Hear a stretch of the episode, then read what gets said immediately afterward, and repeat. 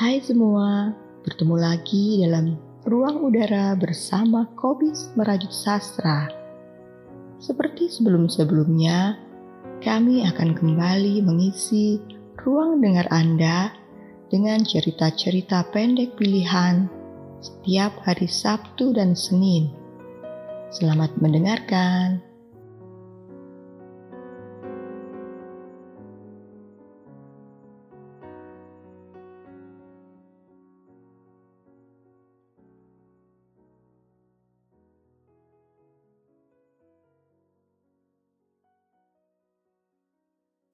Pada bagian satu diceritakan, malam menjelang minggu palem, aku teringat kepada ibu.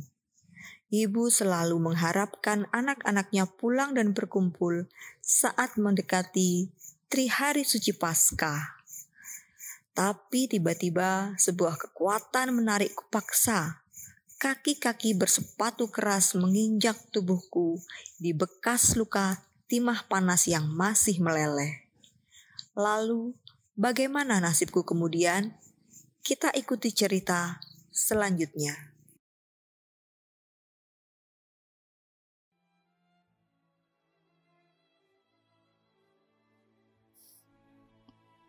Pulang Karya E. Yuswantoro Bagian 2 Hujan selalu kunikmati penuh kegembiraan di masa kecilku. Bersama Mastur, Hadi, Kus, dan si mungil Kirom. Aku selalu bermain sampai hujan reda. Badan basah kuyup bercampur lumpur, berlarian di tanah lapang, main bola plastik usang. Tanah lapang itu berpagar kawat duri, dijaga centeng galak. Dia selalu membentak saat melihat kami sedang main bola di lapangan.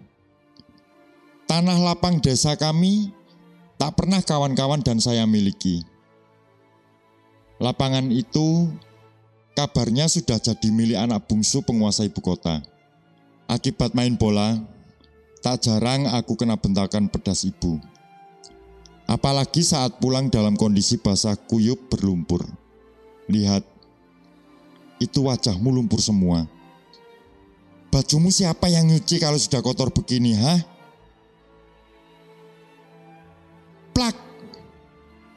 Tak jarang, bentakan ibu bercampur dengan telapak tangannya mampir di badanku. Pedas, menyisakan perih dan merah di pinggang. Aku diguyur pakai air dingin lalu dikeramasi dan disabuni. Busa-busa sabun dan sampo yang ibu tuang dan gosok-gosokkan selalu membuat pedih mata, membuat air mata tumpah. Kamu tahu, orang desa sini tidak boleh masuk ke tanah lapang itu. Hah? Kamu bisa mati ditangkap penjaganya. Tegur ibu, suaranya parau penuh kekhawatiran. Tiba-tiba terputus. Ibu tak ingin mendengar apa pun tentang tanah lapang itu, apalagi berkaitan denganku. Setelah tubuhku bersih, Ibu cepat-cepat menyuruhku ganti pakaian dan makan. Telur rebus sebutir telah dibagi tiga bagian.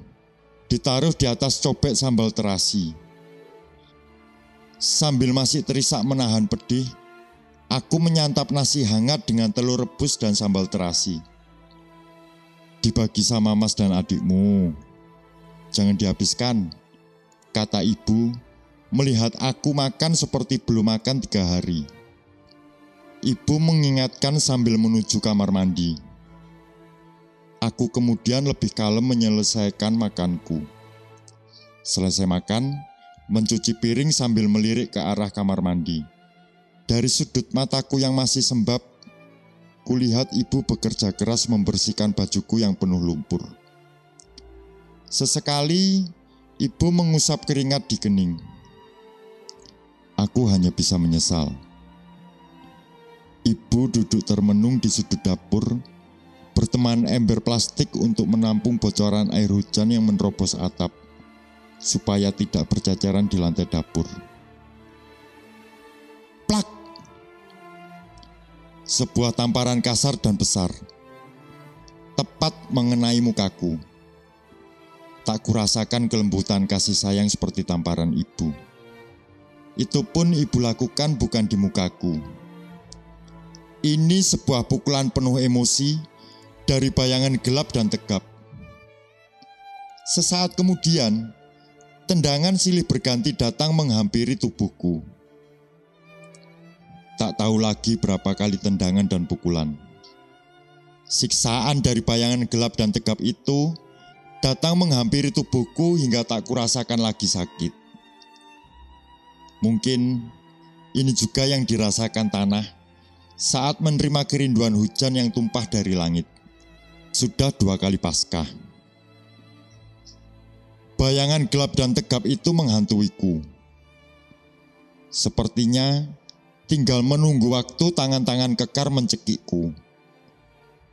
Menghentikan seluruh nadiku membukukan darah merahku. Ini rupanya membawaku sampai ke kota ini. Darah merah yang membangunkan kesadaranku. Membuatku menggemuruh, ingin selalu melihat terang cahaya di tanah yang kupijak. Terang itu telah dirampas dari hidupku.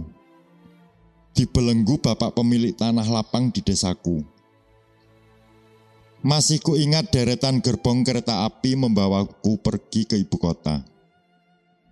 Penuh kesadaran, menuntutku untuk merebut kembali cahaya yang terbelenggu kuasa itu. Meskipun pergi ke ibu kota, harus menghadapi penolakan keras bapakku. Nak, kamu melawan tembok. Kamu tak akan kuat, ujar bapak getir. Begitu cemas tapi tekadku terlanjur bulat. Aku harus merebut cahaya itu. Tanah lapang desaku harus kembali untuk anak cucuku. Di ibu kota kita rebut kembali terang cahaya itu, kawan. Jangan berpikir menang atau kalah. Tapi itu terang cahaya milik kita semua. Bukan milik mereka yang berkuasa. Teriak kawanku menggelegar di gerbong kereta penuh sesak manusia. Ia coba meneguhkan langkahku. Masih lekat ku ingat. Tak bisa lagi kubedakan antara aku bergumam atau merintih menahan pedih di sekujur tubuhku. Yang pasti, aku melihat ibu di sudut ruangan ini. Ruangan serba putih kelam. Aku berusaha berdiri, tapi tak kuasa. Badanku ringkih dan jatuh lagi. Ibu bercucuran air mata, menyaksikanku terkulai tak berdaya. Ibu dan aku bercakap-cakap dalam ruang serba putih. Begitu kelam. Ibu, aku tidak bisa pulang lagi minggu palma ini. Aku tidak tahu ada di mana. Ayo kita pulang, Nak. Ayo pulang bersama ibu. Ibu, aku takut. Ada bayangan gelap dan tegap.